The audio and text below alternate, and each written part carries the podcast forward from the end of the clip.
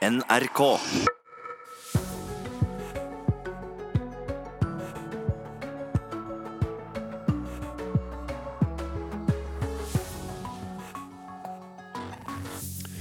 Fredag morgen og ukens siste Nyhetsmorgen er på trappene, i dag med følgende saker. Og Vi begynner med gode nyheter til dere som har hull i CV-en som gjør det vanskelig å få jobb. Her går det mot lysere tider.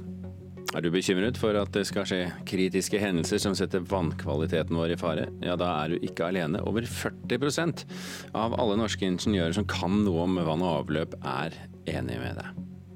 Og sorgen og misnøyen sprer seg i Tingvoll i Møre og Romsdal. Asylmottaket må trolig legge ned etter 30 års drift. Men vi i Nyhetsmorgen skal forsøke å holde humøret oppe for det, bl.a. med Fredagspanelet som kommer inn etter åtte en gang for å kaste sitt skrå og humørfylte blikk på ukens viktigste kultursaker. Og I dag skal vi spørre om staten gir fra seg makt til rike donatorer, om artister må slutte å sutre når folk heller vil prate enn å høre på musikken og om det nå en gang er så nøye om ungdommen går mindre på kino. Nyhetsmorgen får du i dag med Birger Kolsrud Jåsund i studio. Ja, Det skal altså bli lettere for folk med huller i CV-en å få jobb. Egentlig så skal jo staten gå i bresjen med å gi jobb til folk som har gjort ting som ikke alltid teller like mye på en CV. Men i en undersøkelse de selv har stått bak, så viser det seg at det er de ikke særlig flinke til. Nå vil moderniseringsministeren ta grep. Det er bare én ting å si, dette er altfor dårlig. Kommunal- og moderniseringsminister Monica Mæland er tydelig i dommen om statens arbeid med å ansette flere med hull i CV.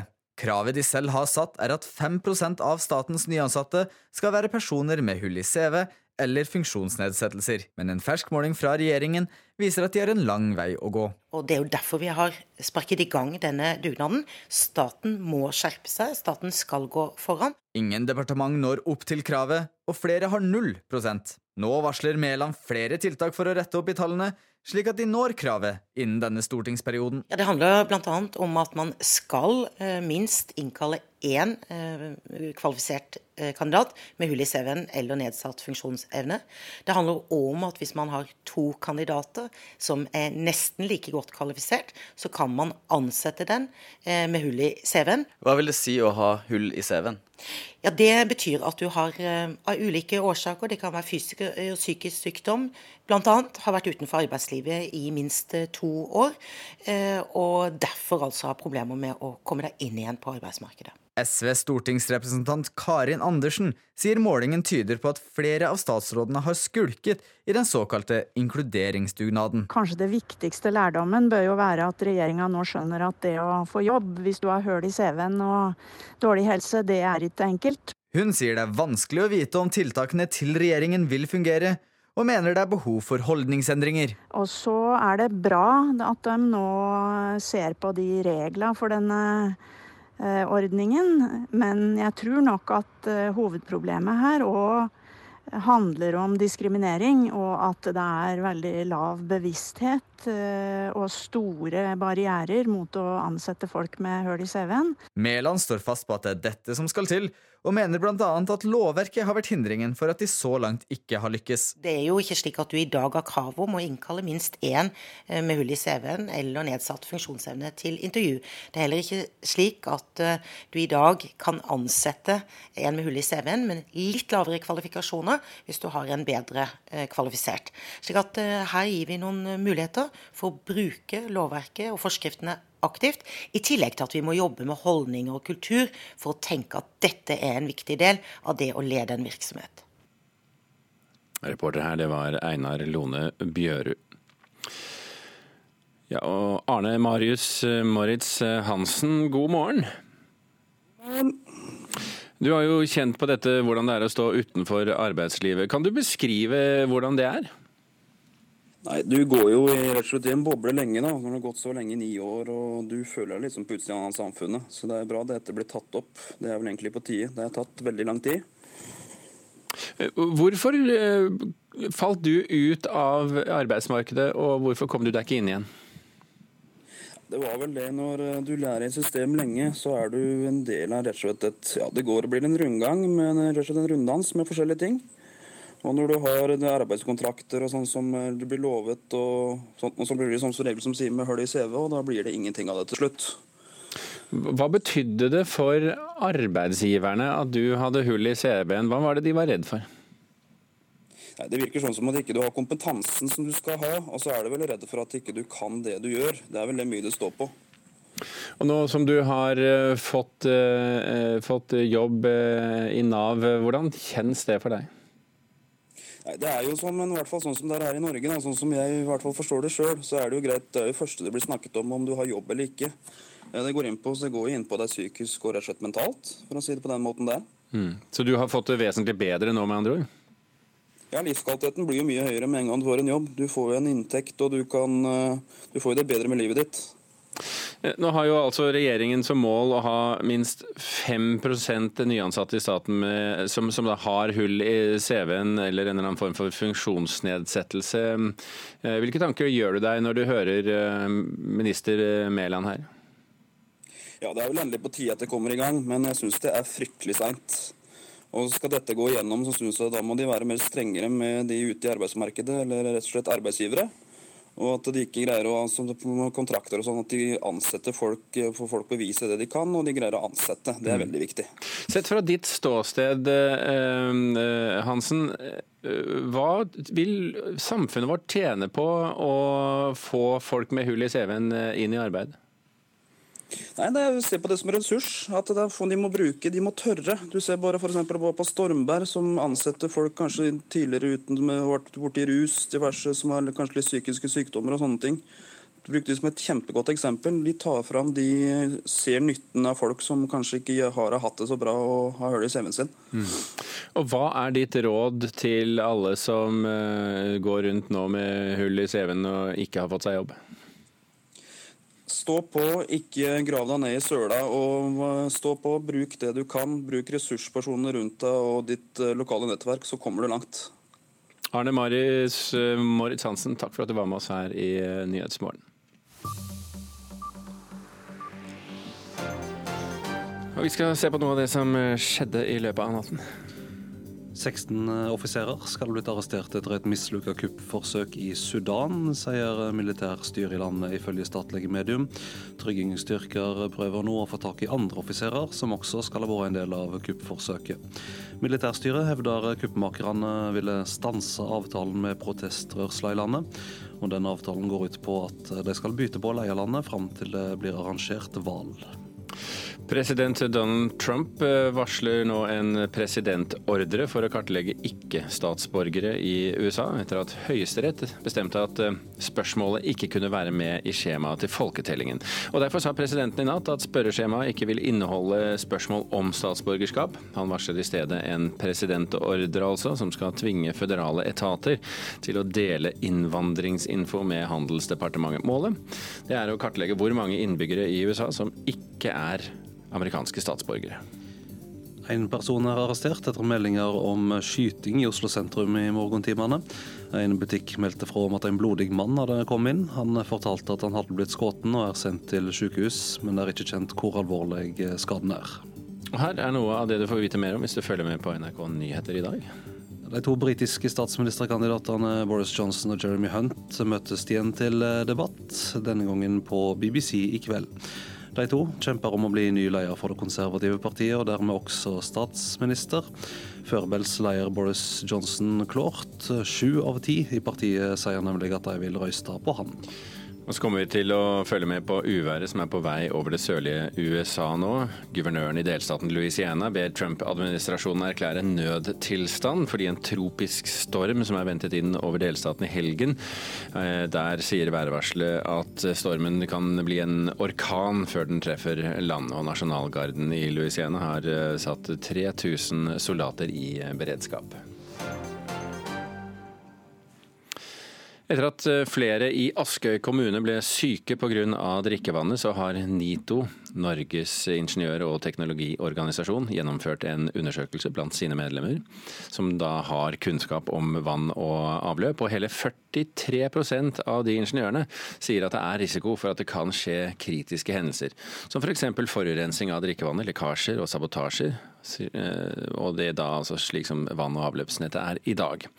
Og Dette bekymrer Nito. De frykter det kan gå utover folkehelsen og sikkerheten. Det med Askøy det er vel det som har gjort at mange har fått opp øynene. For eh, mange har kanskje samme tilstand på sitt eh, vannverk eller sitt ledningsnett som nettopp i Askøy. Eh, og det er vel litt det folk har svart litt på, at her er det muligheter for at vi kan oppleve samme tilstand som i Askøy. Kjetil Lein er visepresident i NITO, Norges ingeniør- og teknologiorganisasjon. NITO gjennomførte nylig en undersøkelse blant sine medlemmer med kunnskap om vann og avløp i norske kommuner. Der kom det frem at rundt 43% av ingeniørene mener det er en risiko for kritiske hendelser knyttet til vann- og avløpsnettet i sin kommune. Kritiske hendelser kan f.eks. For være forurenset drikkevann, rørbrudd, lekkasjer og sabotasjer. Vi kan risikere å få forurensninger inn, og at folk kan bli i verste fall syke av drikkevannet sitt. Undersøkelsen viser også at én av fire mener det finnes forslag til forbedring av vann- og avløpsnettet, men at politikerne i kommunen ikke følger opp forslagene. Jeg tror dessverre at det er veldig populært å åpne en vei eller åpne en ny skole og klippe ei snor, enn å bevilge penger til vann og avløp. Det ligger tross alt under bakken og er ute av syne. Ja, nå er vi kommet til renseanlegget. Hit ned så kommer da alt eh, avløpsvannet vårt, og det renses da her før det går ut i elva. Gro Gaarder er vann- og avløpsingeniør. Hun tror rent drikkevann er noe nordmenn tar for gitt, og at det er derfor det er så lite snakk om det i politikken. Det er jo med i alt vi gjør. Så når du står opp om morgenen, hva er det første du gjør da? Jo, da går du på do. Eller så setter du på, eh, tapper deg litt vann, du pusser tenner, du koker kaffe, du koker te. Og det blir tatt som en selvfølge at det funker. Og den dagen det ikke funker, da blir det tilnærma ulandstilstander. Altså da kollapser alt. Det er ingen selvfølge. Du må ha fagfolk, du må ha dyktige folk som kan følge opp det her. Resultatet av undersøkelsen bekymrer NITO.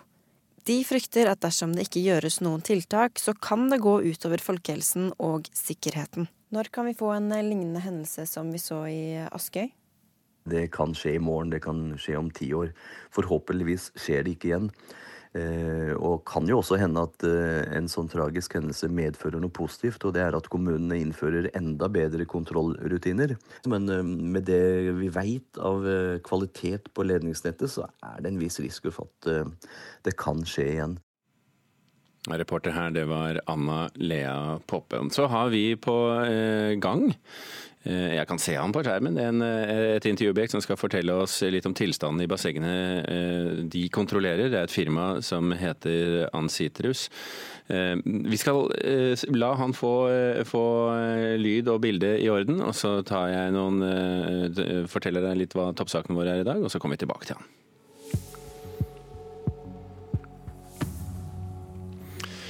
Klokken er altså 16 minutter over sju. Du hører på Nyhetsmorgen, og dette er de viktigste sakene våre i dag. Det skal bli lettere for folk med huller i CV-en å få jobb. Staten erkjenner at de har gjort en for dårlig jobb, og vil hjelpe flere å komme i jobb. Hvis du er en av de som er bekymret for at det skal skje kritiske hendelser med drikkevannskvaliteten vår, så er du ikke alene. Over 40% av alle ingeniører som kan noe om vann og avløp, er enig med deg. Og sorgen og misnøyen sprer seg i Tingvoll i Møre og Romsdal. Asylmottaket må trolig legge ned der etter 30 års drift. Og Den eh, saken skal vi snakke om eh, så sant vi får eh, all teknologien vår på plass før klokken halv åtte. Nå tror jeg vi skal gjøre et eh, forsøk for å få inn Roger Jarnstedt, daglig leder i Ancitrus i Skien. God morgen, Jarnstedt. Ja, god morgen. Ja, da har vi det oppe på, eh, på plass her. Ja, altså, Ancitrus, eh, Ancistrus, for de som ikke vet det, er et spesialfirma som i 20 år har jobbet med å sikre og vedlikeholde drikkevannsbassenget over hele landet. Og kan ikke du først fortelle oss, Janseth, hvordan jobber dere egentlig? Ja, du, vi er jo et litet firma som eh, hjelper kommuner eller vannverkseiere å etablere og dokumentere sikring og vedlikeholdsrutiner på drikkevannsbasseng. Mm. Og Dere er altså inne i disse bassengene med, med, dykkere. og Hva er det dere finner eh, inne i disse bassengene? Ja, I de her bassengene skal det jo bare være drikkevann men, eh, som er ferdig behandlet. Men eh, vi finner masse fremmedlegemer i de her bassengene som dessverre har kommet utenfra. Ja, Som for eksempel? Og, ja, det er alt ifrån Ja, det er naturen som trenger inn i form av mus og fugler og rotter og ekorn. En hel grevling har vi funnet ved et tilfelle. Og så er det ja, fremmedlegeme fra folk som har kvittet seg med, med ting og tang, rett og slett, inn i bassengene. Hvordan vil du beskrive tilstanden ved norske drikkevannsbasseng generelt? Ja, Det er veldig varierende her over landet, men uh, man kan vel si egentlig at generelt så er det dårlig. Mm. Det er dårlig det er dårlig fulgt opp. Og Derfor er det kanskje ikke noe overraskelse for deg at 43% av norske ingeniører eh, som kan noe om vann og avløp, mener at det er risiko for kritiske hendelser. Men burde det vært flere enn 43% Ja, Det har jeg ikke grunn til å uttale meg om. utan eh, jeg tror at det, det er i hvert fall sannsynlig at det er eh, så som de befarer. da. Mm. Eh, hva mener du, sett fra ditt ståsted, at eh, myndigheter og, myndigheter og vannverk bør gjøre? Ja, her, her, her, må det jo til en kjempedugnad. Det er jo et etterslep, og det gjelder jo hele landet. Så her må vi felles hjelpes åt å ta tak i det her. Og Hva skal den dugnaden bestå i?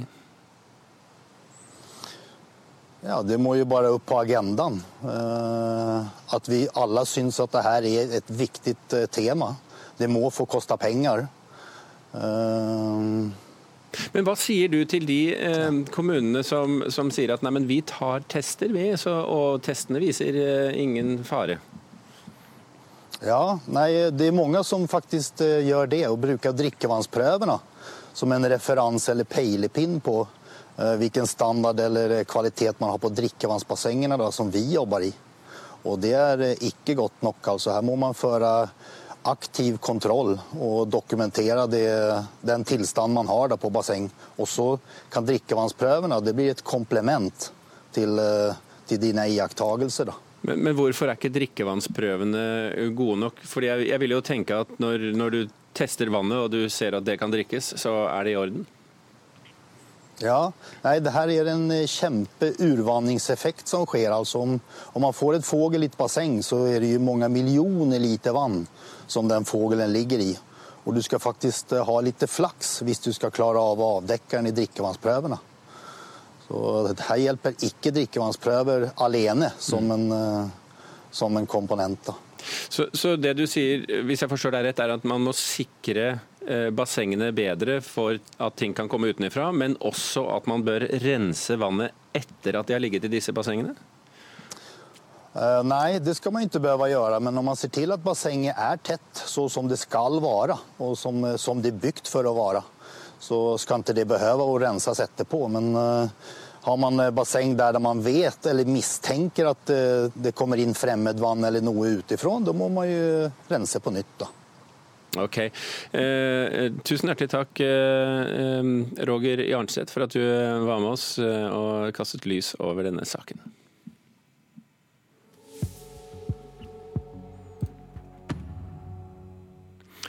I Sudan skal 16 offiserer ha blitt arrestert etter et mislykket kuppforsøk, ifølge statlige medier. Protestbevegelsen og militærjuntaen har sittet i samtaler i natt for å prøve å bli ferdig med denne avtalen om hvordan landet skal styres eh, fremover. Afrikakorrespondent Ida Dalbakk, eh, kan du fortelle oss hva vet vi mer om dette mislykkede kuppforsøket? Det vi vet, er at det skal ha vært eh, folk fra etterretningstjenesten og også sikkerhetsstyrkene i Sudan, eh, blant dem også pensjonerte medlemmer som har vært med tidligere, som skal ha gått til et eh, kuppforsøk. Dette er det militærjuntaen som informerer om. Gjennom det statlige nyhetsbyrået i Sudan så har det ikke kommet så veldig mye informasjon akkurat rundt detaljene rundt dette kuppforsøket, men vi vet i hvert fall at det skal ha skjedd eh, i går kveld. Mm. Og Det er kanskje litt tidlig da selvfølgelig å svare på følgende spørsmål, men jeg stiller det likevel. Eh, hvordan påvirker dette kuppforsøket samtalene mellom de to partene? Ja, det er klart at det kan nok forsinke uh, denne avtalen som allerede skulle ha vært klar. Den skulle ha vært uh, ferdig torsdag ettermiddag uh, klokka fire. Så skulle partene igjen møtes i går kveld klokka sju. Og så skulle man sitte utover kvelden og natta. Og så skjedde altså dette kuppforsøket i går kveld. Um, så det kan hende at det vil forsinke avtalen. Om det blir avbrutt, det, det er nok kanskje litt usikkert. fordi man har kommet såpass langt allerede. Eh, man har holdt på over lang tid, og det er bare noen få punkter som gjenstår. Eh, så det skal nok noe til at rett og slett avtalen ikke blir noe av. Unnskyld. Men hva er det som gjenstår da i denne avtalen for å få alt klart?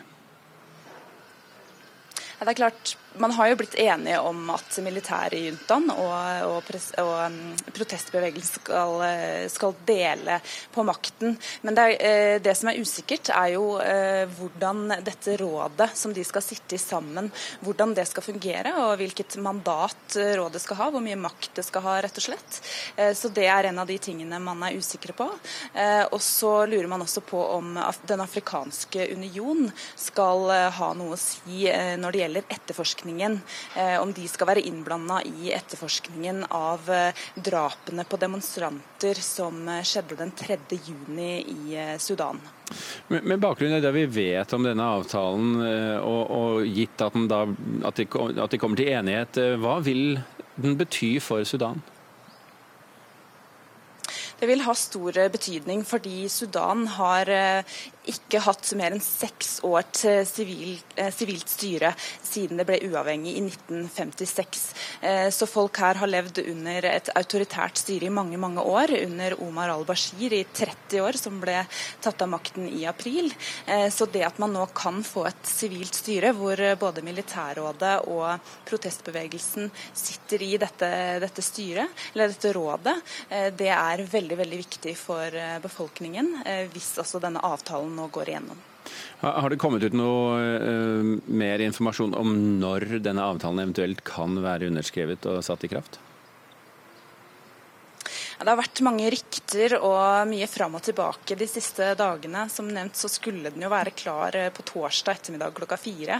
Eh, så jeg har fått høre fra ambassadøren i Khartoum underveis eh, hva som har skjedd med denne avtalen. Og det har vært en del usikkerhetsmomenter. Og nå kan det jo hende da at, at dette kuppforsøket bremser samtalene litt, i og med at det skjedde i går kveld. Så jeg tror nok kanskje at man ikke får noe svar på dette i dag. Ok, Ida Dalbakk, eh, takk for at du var med oss fra eh, fra, ja, Jeg vet strengt tatt ikke hvor du var fra, men eh, takk for at du var med uansett. Vi skal nå til eh, asylmottaket i Tingvoll i Møre og Romsdal, for det må trolig legge ned etter 30 eh, års drift. Det syns flere av innbyggerne er eh, trist. Sivert Ressel har jobbet på mottaket i 20 år. Han er bekymret for fremtiden til bygda om mottaket legges ned. Og jeg er bekymra for, for, bygda som helhet. Altså det er vertskommunetilskudd på over to millioner til kommunen for drift. Og her er det enda en gammel sjef. Vi blir ikke kvitt dem. Sivert Ressel viser meg rundt på mottaket. Og vi treffer Ottar Roaldseth som kommer på besøk. Han var sjef i starten. Jeg tenker vi inn og høre om de trenger litt oppmuntring og trøst i sorgen. Eller? Ja, men hvordan reagerer du da? Jeg syns det er sørgelig trist. Fordi at det betyr så mye for Tingvoll-samfunnet. I alle år har de opplevd seg sjøl som eksempel på et godt drevet asylmottak. Forskjellige plasser med helse hele livet, kan du si, men eh, jeg har aldri hatt så god arbeidsplass som her. Tingvoll asylmottak mista nylig muligheten til å være med på videre anbud. Det skapte usikkerheter. Jeg føler meg ganske fortvila, for jeg vet hvor det går utover bygda.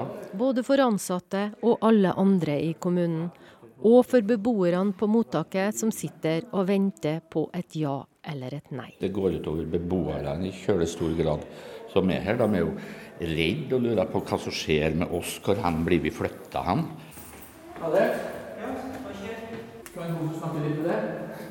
Det er egentlig en trist historie. Vi har opplevd så mye her. Og vi samarbeider med kommunen og andre. Vi hjelper eh, lokalfolk. og Uten oss uh, Tingvoll blir en, et trist sted, egentlig. Det er jo uh, tragisk hvis at mottaket skulle forsvinne her, rett og slett. Ja. Sier Evy Helen Villassen på Coop-butikken. Nei, det, det lover dårlig for, for bygda, da. Det syns iallfall vi som, som jobber her, da. Fordi asylmottaket er rett og slett en positivt innslag i bygda, da? Ja, ja, ja. De er jo, de er jo med på mye, ikke sant. De arrangerer mye sjøl. Og bare det å ha språklæring og sånn, det blir mange som mister jobben. Mm. Mister dere omsetning da? Ja, selvfølgelig gjør vi det. Ja, det er veldig mange som handler her, vet du. Så det er klart at det, det blir eh, tap for oss. Det betyr at det er borti 50 arbeidsplasser som går dukken. Det går utover butikkene, og det har mye å si for helse. Med de overføringene fra, fra UDIA til kommunen som, som vertskommunetilskuddet tilsier. Så mm, det har enorme virkninger.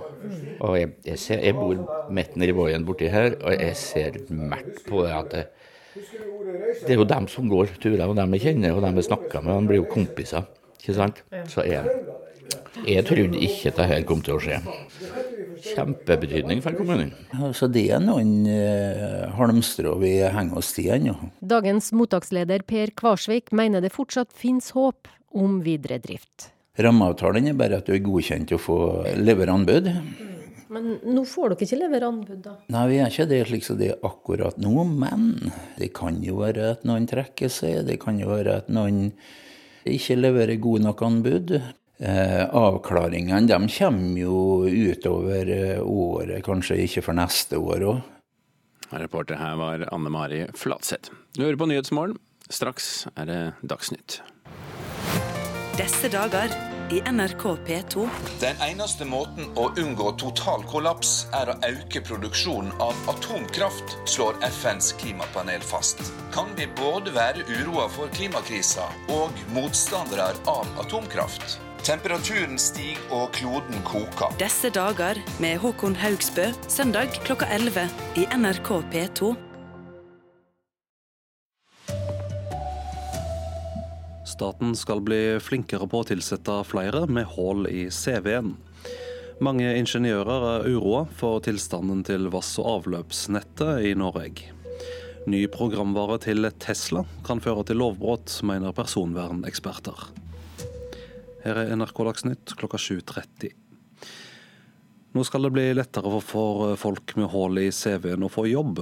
Egentlig skal staten være et førebilde på å gi jobb til folk eh, som har gjort ting som ikke teller på en CV. Men i en undersøking de selv har laget, syner det seg at staten ikke er særlig god på dette. Nå vil moderniseringsministeren gjøre noe.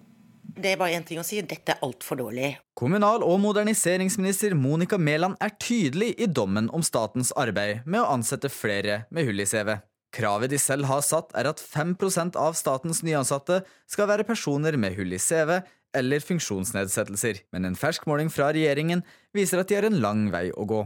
Nå varsler Mæland flere tiltak for å rette opp i tallene, slik at de når kravet innen denne stortingsperioden. Ja, det handler bl.a. om at man skal eh, minst innkalle én eh, kvalifisert eh, kandidat med hull i CV-en eller nedsatt funksjonsevne. Det handler om at hvis man har to kandidater som er nesten like godt kvalifisert, så kan man ansette den eh, med hull i CV-en. SVs stortingsrepresentant Karin Andersen sier målingen tyder på at flere av statsrådene har skulket i den såkalte inkluderingsdugnaden. Og så er det bra at de nå ser på de reglene for denne Eh, ordningen. Hun sier det er vanskelig å vite om tiltakene til regjeringen vil fungere, og mener det er behov for holdningsendringer. Det er veldig lav bevissthet eh, og store barrierer mot å ansette folk med hull i CV-en. Mæland står fast på at det er dette som skal til, og mener bl.a. at lovverket har vært hindringen for at de så langt ikke har lykkes. Her gir vi noen muligheter for å bruke lovverket og forskriftene aktivt. I tillegg til at vi må jobbe med holdninger og kultur for å tenke at dette er en viktig del av det å lede en virksomhet. Moderniseringsminister Monica Mæland, reporter Einar Lone Bjørud. En person er funnet død etter en husbrann i Arendal i natt. En annen person er ikke gjort greie for, opplyste politiet for kort tid siden. Nødetatene fikk melding om brannen like etter klokka halv fem. Brannvesenet driver nå ettersløkking på stedet. En person er arrestert etter meldinger om skyting i Oslo sentrum i morgentimene. En annen er sendt til sykehus, forteller innsatsleder Tore Barstad i politiet. Ja, akkurat nå så er jo eh, vi for så vidt i en normaltilstand. Nå skal krimteknikerne inn og gjennomføre åstedsundersøkelser. Da har vi et åsted ute. Det som vi antar et åsted, i hvert fall skal det sikres bevis utvendig, slik at vi får trikk og buss og alt annet i gang i nærområdet. Og så skal vi ta inn i ei leilighet og gjennomføre videre undersøkelser der. Har det blitt avskutt, eh, det har blitt avskutt noen eh, skudd? Kan du si noe mer om det? Ja, Den initielle meldinga til politiet var at det var flere skudd som var avfyrt. Og Så kommer det også en parallellmelding om at det var én mann som hadde møtt på, eller dukka opp på Joker-butikken, som hadde da skade som var forenlig med skuddskade. Som da er noen kjørt til Ullevål og anses å være fornærma i saken. Men det er ingen grunn til å tro at det er andre som eventuelt skulle være tilstøtt noen ting nå. Tore Barstad i Oslo-politiet. 43% av de spurte medlemmene i Norges ingeniør- og teknologiorganisasjon sier det er risiko for kritiske hendinger, som forurensning av drikkevannet, lekkasjer og sabotasjer, slik vass- og avløpsnettet er i dag. Organisasjonen gjennomførte undersøkelsen etter at mange ble syke av drikkevannet på Askøy i Hordaland det med Askøy det er vel det som har gjort at mange har fått opp øynene, for eh, mange har kanskje samme tilstand på sitt eh, vannverk eller sitt ledningsnett som nettopp i Askøy. Eh, og Det er vel litt det folk har svart litt på, at her er det muligheter for at vi kan oppleve samme tilstand som i Askøy. Kjetil Lein er visepresident i NITO. Organisasjonen gjennomførte nylig en undersøkelse blant sine medlemmer med kunnskap om vann og avløp i norske kommuner. Der kom det frem at rundt 43% av ingeniørene mener det er en risiko for kritiske hendelser knyttet til vann- og avløpsnettet i sin kommune. Kritiske hendelser kan f.eks. For være forurenset drikkevann, rørbrudd, lekkasjer og sabotasjer. Vi kan risikere å få forurensninger inn, og at folk kan bli i verste fall syke av drikkevannet sitt. Undersøkelsen viser også at én av fire mener det finnes forslag til forbedring av vann- og avløpsnettet, men at politikerne i kommunen ikke følger opp forslagene. Det reagerer vann- og avløpsingeniør Gro Gaarder på. Altså, det har alltid forundra meg at når man skal åpne en eh, vei, så er det stor ståhei med snorklipping og det som er, men den dagen vi har lagt en ny vannledning og åpna den, så er det knapt at det kanskje står en liten notis i avisen. Gaarder tror rent drikkevann er noe nordmenn tar for gitt, og at det er derfor det snakkes lite om i politikken. Og det er et paradoks når vannet er så viktig som det det er i dag. Reporter Anna Lea Poppe. I striden om folketellinga i USA neste år gir president Donald Trump opp på ett punkt, men nekter likevel å gi seg. Trump ville ha et spørsmål om statsborgerskap inn i folketellinga, men det nekter Høyesterett. I stedet vil nå presidenten sette alle departementer og direktorat i sving med å samle inn persondata om folk. Slik vil han prøve å få mer informasjon om hvor mange som er i landet ulovlig. As shocking as it may be, far left Democrats in our country are determined to conceal the number of illegal aliens in our midst. Det er sjokkerende, men venstreorienterte demokrater forsøker å skjule hvor mange ulovlige innvandrere som er i USA, sa Trump i går, da han erkjente ett nederlag, men likevel ikke ville la seg stoppe. Trump vil innføre et spørsmål om statsborgerskap i folketellingen neste år. Det er Høyesterett blokkert. Resultatet av folketellingene er viktig for fordelingen av seter i Representantenes hus, og hvordan milliardene av føderale midler fordeles. Ekspertene i folkeregisteret i USA mener at et spørsmål om statsborgerskap ville bidra til at innvandrere vegrer seg for å fylle ut spørreskjemaet. De ville altså føre til en upresis folketelling, og det kan igjen føre til at det blir en skjev fordeling av føderale midler til skoler og velferdstiltak, og gå utover områder der det bor mange innvandrere.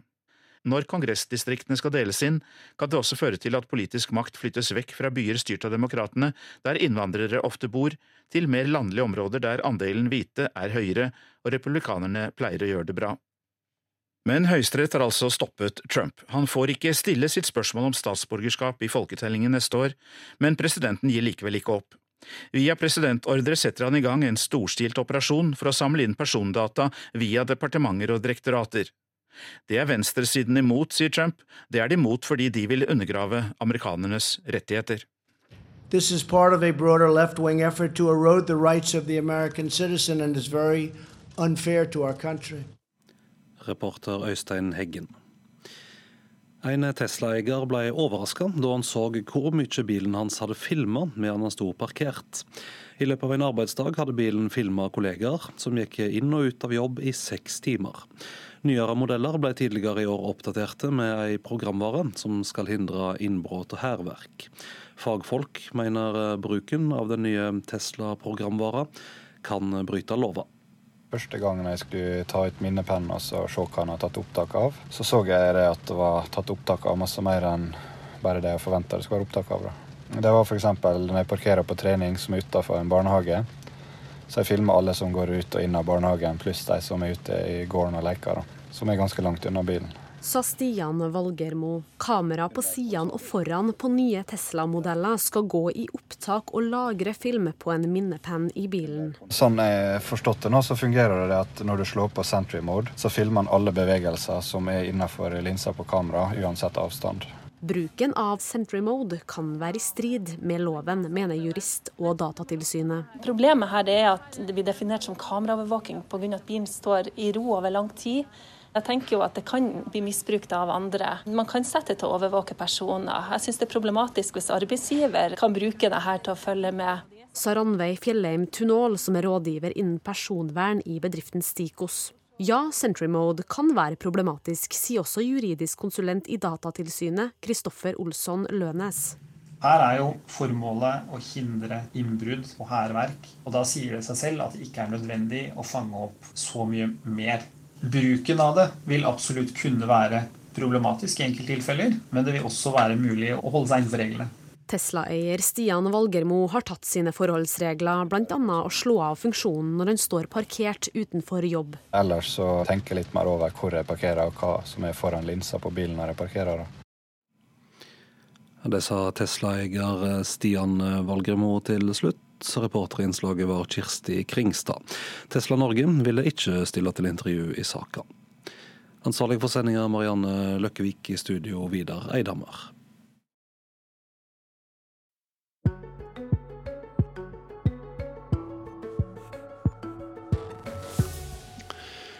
Nå skal du få møte to sjåfører som tilsynelatende syns veiene i Finnmark både er for gode og for korte. Ståle Olsen og Sjur Ness Johannessen skal kjøre fra Hammerfest til Mongolia i en bitte liten Toyota. Mongol Rally samler eh, hvert år 300 biler fra hele verden, og søndag starter altså de to på turen, som skal ende opp i Mongolia. Vi pakker for alle årstidene. Det, blir ullundertøy og shorts og sandaler. en fisker og en kokk gjør bilen ferieklar i en garasje i Hammerfest. På taket på den lille Toyotaen er ei stor bagasjegrind sveisa fast. Et par ekstra lyskastere er også montert. Ellers ser bilen ut som den gjorde da Ståle Olsen og Sjur Ness Johannessen henta den på Finnsnes i fjor for 12 000 kroner. Men om bilen er ganske så vanlig, er ikke bilturen de starter på søndag helt vanlig. De skal nemlig kjøre til Mongolia, og anledningen er Mongol Rally. Sammen med om lag 300 andre lag fra hele verden. Eh, Mongol Rally? Det, det, starter jo eh, i England egentlig, men så er det en fellesstart for alle i eh, Praha. Og rally er jo et eh, veldedighetsrally. Der formålet er, eller For å få lov å være med i det, så må du jo samle inn penger til veldedighet. Det er ca. 1000 pund er minimumskravet.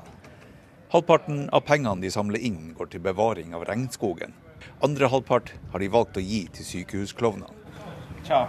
det det vel rett og slett fordi at det ikke er noe særlig spennende som ligger på sykehus. Som jeg sa i sted, jeg har ligget to dager på sykehus i hele mitt liv som jeg kan minnes, og jeg syns det var helt jævlig. Jeg kan tenke meg unger da som ligger kanskje på ukevis og månedsvis og ikke kanskje heller vet hvorfor de ligger der. De må jo egentlig ha det helt jævlig.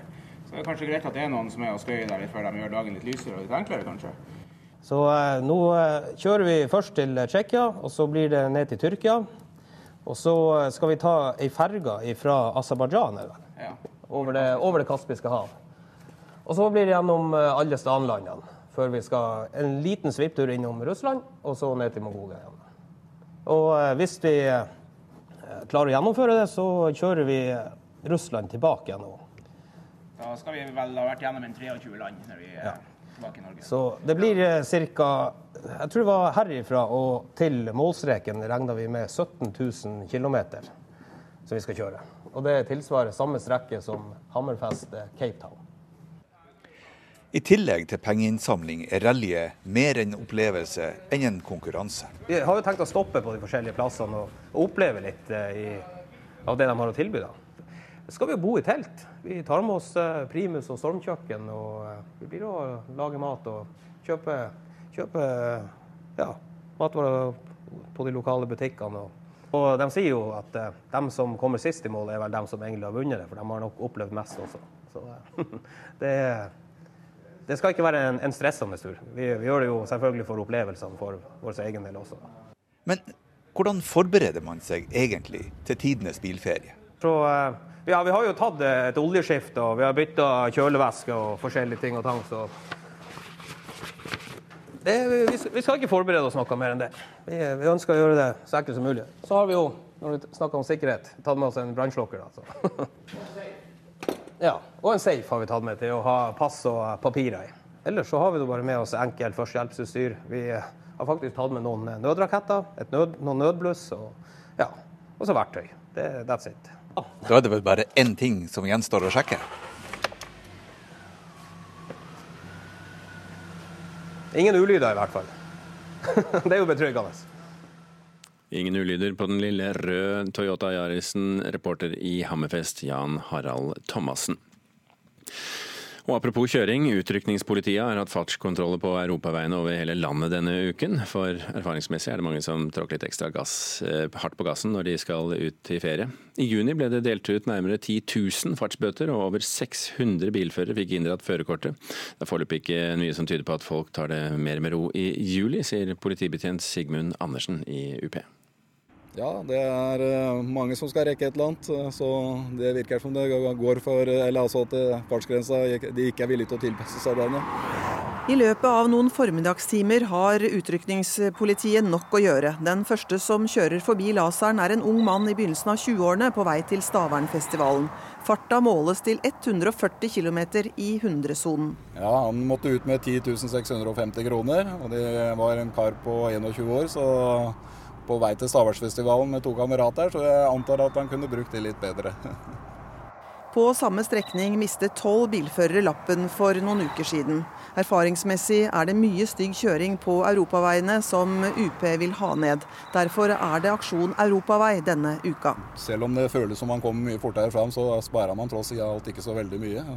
Den risikoen man også da tar i forhold til andre bilister. Og det er klart det at det skjer et eller annet, så er det stor forskjell på å kjøre i 110 og 140 som han her akkurat gjorde. Ingen av dem politiet stopper vil la seg intervjue på radio, men vi snakket med en mann som ble tatt i 133 km i timen i 100-sonen. Han var på vei til flyplassen i Sandefjord og mente han umulig kunne ha kjørt så fort. Dessuten trodde han fartsgrensa var 110 km. Og Det er ganske mange skilt, så da må man følge litt med på det som skjer. Det hender at hastigheten også blir satt ned, og at det er en god grunn til det. Eller, og da, Hvis man ikke får med seg alle de skiltene nå, så hva da hvis det er varsla i forbindelse med ulykker eller sånt? Reporter her Ket Barth Nilsen.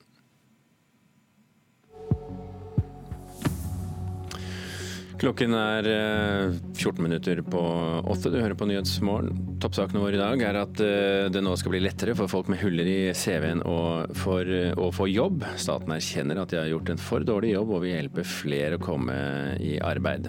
43% av alle norske ingeniører som kan noe om vann og avløp, er bekymret for vannkvaliteten i norske drikkevann. Og sorgen og misnøyen har spredd seg i Tingvoll i Møre og Romsdal. Asylmottaket der må trolig legge ned etter 30 års drift. I sommer så sender vi portretter med politikere foran valget i september. På den tiden da du vanligvis hører Politisk kvarter her i Nyhetsmorgen. Kristelig Folkeparti mistet jo mange medlemmer tilbake i fjor i partiet, men i KrF-bastionen Kristiansand så har mange nå meldt seg inn etter at Knut Arild Hareide gikk av som partileder. Vi har truffet en av dem som jublet da partiet gikk mot Høyre i politikken, Tove Velle Haugland.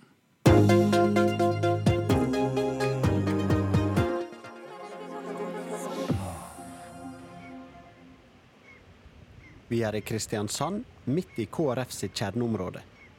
Partiet gjør det elendig på målingene om dagen, med mellom 2 og 4% i oppslutnad. Men her, i Norges sjette største by, har de 15% og i noen av nabokommunene mellom 20 og 30% Lokalpolitiker Tove Velle Haugland forteller at etter retningsvalget partiet tok mot Høyre i fjor vinter, så har det strømma på med nye medlemmer. Akkurat her i Kristiansand så er det nok fordi eh, KrF har en lang tradisjon med å samarbeide på borgerlig side.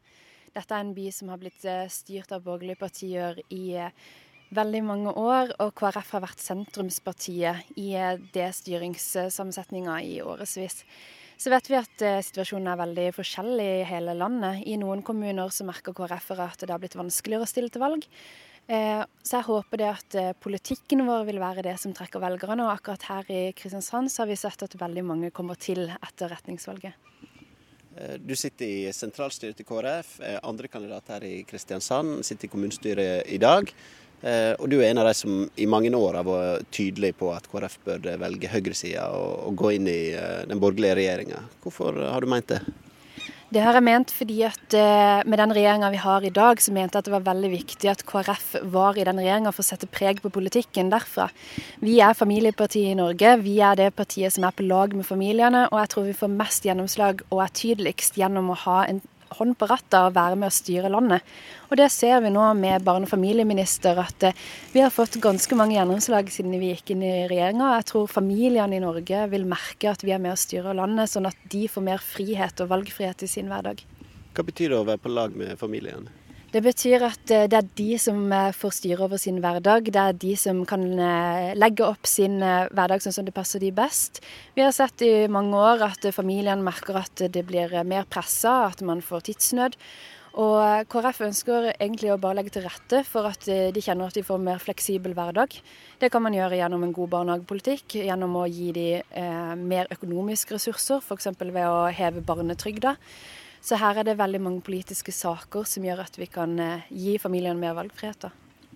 Og så vant dere fram med at eh, kvinner som ønsker å redusere tall på foster ved tvillinggraviditet, er nødt til å gå gjennom en nemnd for å gjøre det. De kan ikke lenger eh, gjøre det helt sjøl. Og er det, dere er de eneste på Stortinget som mener det. Hvorfor var det så viktig for dere? Da vi løfta denne saken for noen år tilbake, så så vi at veldig mange mennesker i samfunnet var enig med oss. At eh, det i seg selv å ha eh, to eh, fostre ikke skulle være en grunn til å ta abort, men at det bør være medisinske årsaker som ligger til grunn. Og vi vet jo at det å ha en nemnd, det, det, skjer i mange tilfeller. Og det betyr ikke at man begrenser kvinnens frihet på noen måte, men det styrker eh, vernet rundt de fostrene også, og gjør at man får en bedre vurdering rundt den saken. Mange i KrF ville jo helst ha gått enda lenger og, og stramme inn abortloven ytterligere. Hva mener du om det? Nei, jeg syns at abortloven vi har i dag er, er, veldig god. Det er et kompromiss. Og jeg tror at det, det er mye viktigere å redusere aborttallene ved å god forebygging. Sånn som her i Kristiansand så har vi vedtatt en handlingsplan for å få ned aborttallene. De fleste partiene er enige om at aborttallene bør gå ned. Og da gjør vi det gjennom gratis prevensjon, tilgjengelige helsesøstre og flere tiltak som reduserer eh, antall ufødte svangerskap. Det tror jeg er den riktigste veien å gå. Hvorfor er det viktig å få ned aborttallene? Jeg tror det er viktig fordi at eh, det å ta en abort det tror jeg ikke er lett for eh, noen kvinner. Noen syns det er vanskeligere enn andre. Og det er ofte en situasjon man ikke ønsker å komme i. Det er veldig mange unge jenter som sier at det var ikke det de ønska. Og det å skulle da ta det inngrepet, det kan være vanskelig for mange unge jenter. Så jeg tror det er viktig å redusere aborttallene for at færre skal slippe å gå gjennom det, den belastninga det er. Nå har det vært noen demonstrasjoner utenfor Stortinget og masse markeringer rundt eh, gjennomslaget dere i abortlova eh, knyttet tvillingabort. Hva tenker du om de reaksjonene som kommer på den eh, politikken som dere har vunnet gjennom med? Tenker at I den saken så er det veldig viktig med fakta. Det er veldig viktig å ikke overdrive den saken. mange av protestene er helt riktige, men noen av protestene også skildrer et bilde av noe som ikke blir vedtatt på Stortinget. Det er ingen innskrenkninger av kvinners rettigheter. Det er rett og slett bare å rydde opp i lovverket og gå tilbake igjen til der vi var for fem år siden. Så her er det veldig viktig å vite hva man snakker om. Men det er en innskrenking sammenlignet med hvordan det er i dag? Egentlig så er det ikke det, fordi at man, det å nemndbehandle Det å få en nemndbehandling betyr egentlig bare at man får en grundigere behandling av saken, og det tror jeg kan være bra for den kvinnen som går igjennom det også. Så å få en nemndbehandling er egentlig bare kvalitetssikring rundt den saken. Har du forståelse for at eh, mange kvinner føler at nå er selve retten til abort eh, trua? Jeg har veldig stor forståelse for at dette er en sak som engasjerer mange, og har respekt for alle synspunkt i denne saken. Men eh, det er viktig å, å, å forstå at det KrF vil, det er at tvillingabort i seg selv, det å ha to fostre, er ikke en grunn nok til å ta abort, men at man kan vurdere saken i en nemnd. Håper du at nemndene kommer til å være strenge og ikke la folk ta sånn eh, tvillingabort? Det er opp til nemnden, men nemnden skal være rettferdig i alle saker, tenker jeg. Hvorfor er KrF eh, så mye mer opptatt av eh, abort og, inn enn eh, de andre norske partiene på Stortinget? Vi er ikke opptatt av å innskrenke abortloven, men vi er opptatt av å gi det ufødte liv verdi. Vi er opptatt av å løfte den verdien man har fra før man er født. fordi at Eh, vi sier i vårt partiprogram at vi tror at livet starter ved unnfangelsen av, og det er utrolig viktig å også beskytte det ufødte liv. Men her er det hensyn som blir satt opp mot hverandre, og vi er opptatt av å gi kvinner også i en sårbar situasjon god trygghet rundt den situasjonen sin. Det at dere tror at livet oppstår med unnfangelse, er det et eh, religiøst synspunkt? Det, kommer det fra Bibelen? For meg så er det biologisk, fordi at eh, ved unnfangelse skjer det en prosess, en biologisk prosess som utvikler seg hele veien, som ikke stopper før man dør med en naturlig død. Eh, så for meg så handler det egentlig om at eh, det å sette livets verdi i uke 12 eller uke 18, det gir ingen logisk mening. Jeg mener at livet starter ved unnfangelsen, men så har vi et lovverk som, som regulerer abort ved uke 12, og jeg er egentlig Eh, fornøyd med dagens abortlov, men jeg mener det er viktig også å styrke det ufødte liv. Det var jo en opprivende splid i eh, KrF eh, som dere gikk gjennom nå. Hvordan opplevde du det? Ja, jeg opplevde det som en ganske krevende prosess å være gjennom, men også et fint bilde av hva lokaldemokrati og partidemokrati er. Det var jo veldig mange i dette landet som fulgte med på fylkesårsmøtene til KrF og syntes at vi gjorde det veldig bra. Å ta den debatten i full åpenhet. Så det var ganske tøft der og da, men i ettertid så ser vi også at vi har fått vist fram demokratiet på en veldig god måte. Vi tok et valg. Og nå skal vi gå videre og ha politikken vår i sentrum, og så håper vi at flest mulig kan samle seg rundt den igjen. Det var jo eh, dere her på Sørlandet og på Vestlandet som er borgerlig innstilt, som vil inn i regjeringa, som kanskje er mer konservative i verdispørsmål, som vant fram i denne splida, og som kanskje kontrollerer partiet i større grad nå? De som vant frem i retningsvalget, det var egentlig eh, folk i partiet fra hele landet. Vi er veldig forskjellige i vårt parti. Det er ikke bare konservativ eller liberal. Eh, man kan eh, ønsker å samarbeide med sentrum om man bor i Oslo eller på Vestlandet. Så det viktigste nå det er egentlig å se på politikken vi har fått gjennomslag for gjennom regjeringa, og så samle oss rundt den. Du er ikke redd for at KrF skal bli et parti bare for Sørlandet og Vestlandet? Dere går jo tilbake mange plasser av resten av landet. Jeg tror at familiepolitikk og verdiene våre er relevante for mange flere enn bare de som bor på Sør-Vestlandet. Og jeg er helt sikker på at når hele Norges befolkning ser de gjennomslagene vi får, for mer fleksibilitet for familiene, for mer valgfrihet, så er jeg sikker på at flere vil komme til KrF. Det ser ikke sånn ut på meningsmålingene akkurat nå? Jeg tror vi skal gi det litt tid, og så er det valget 9.9. Du har eh, kommet deg inn i sentralstyret til KrF og blitt en eh, markert politiker her på Sørlandet. Hva er ambisjonene dine for eh, livet i politikken? Jeg har aldri hatt ambisjoner på egne vegne. Jeg elsker å drive med politikk fordi jeg kan være med og prege samfunnet med de verdiene som jeg mener er viktig. Og jeg er veldig glad for å få muligheten gjennom eh, KrF. Jeg hadde aldri planlagt dette. Men eh, KrF hadde lyst til at jeg skulle fortsette, og det vil jeg veldig gjerne selv også. Så så lenge KrF vil ha meg, så skal jeg være med og brukes der jeg kan. Men, eh, men for min egen del så har jeg ingen ambisjon. Hva er det med KrF som tiltrakk deg, da? Det er et parti som tror på å bygge samfunnet nedenfra. Som tror på de små fellesskapene. Som tror på at eh, familiene kan velge selv hvordan de vil organisere sine liv. Som eh, vil styrke frivilligheten. Og vil bygge et samfunn der man stiller opp for hverandre og bygger samfunnet sammen. Og eh, det er verdier som jeg syns er veldig gode. Du kommer fra en kommune der eh, KrF har hatt ordføreren i over 20 år. Her i Kristiansand, som du stiller nå, så er KrF eh, veldig sterke sammenlignet med resten av landet. Hvorfor er KrF så store her på Sørlandet? Ja, jeg tror KrF eh, er store på Sørlandet fordi at det er veldig mange velgere her som er opptatt av familieliv, som er opptatt av frivillighet. Vi har enormt sterk dugnadsinnsats her på Sørlandet.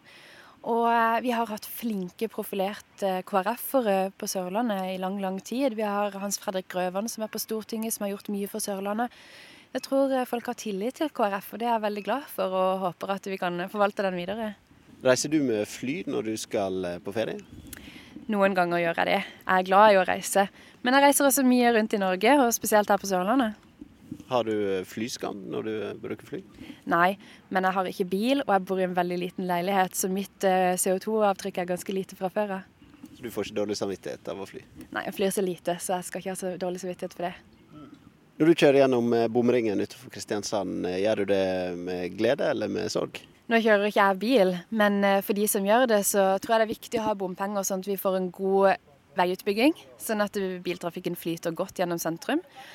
Og så er det viktig å finansiere kollektivtilbudet gjennom bompengene, sånn at vi også får mer busser, for det er det folk vil ha. De vil ha flere kollektivavganger. KrF har eh, nesten aldri gjort det så dårlig på meningsmålingene som dere gjør det akkurat nå. Eh, Tror du at det er en vei ut av dette uføret, eller er KrF eh, på vei til å bli et eh, parti som detter ut av Stortinget? Jeg tror absolutt det er en vei opp av dette.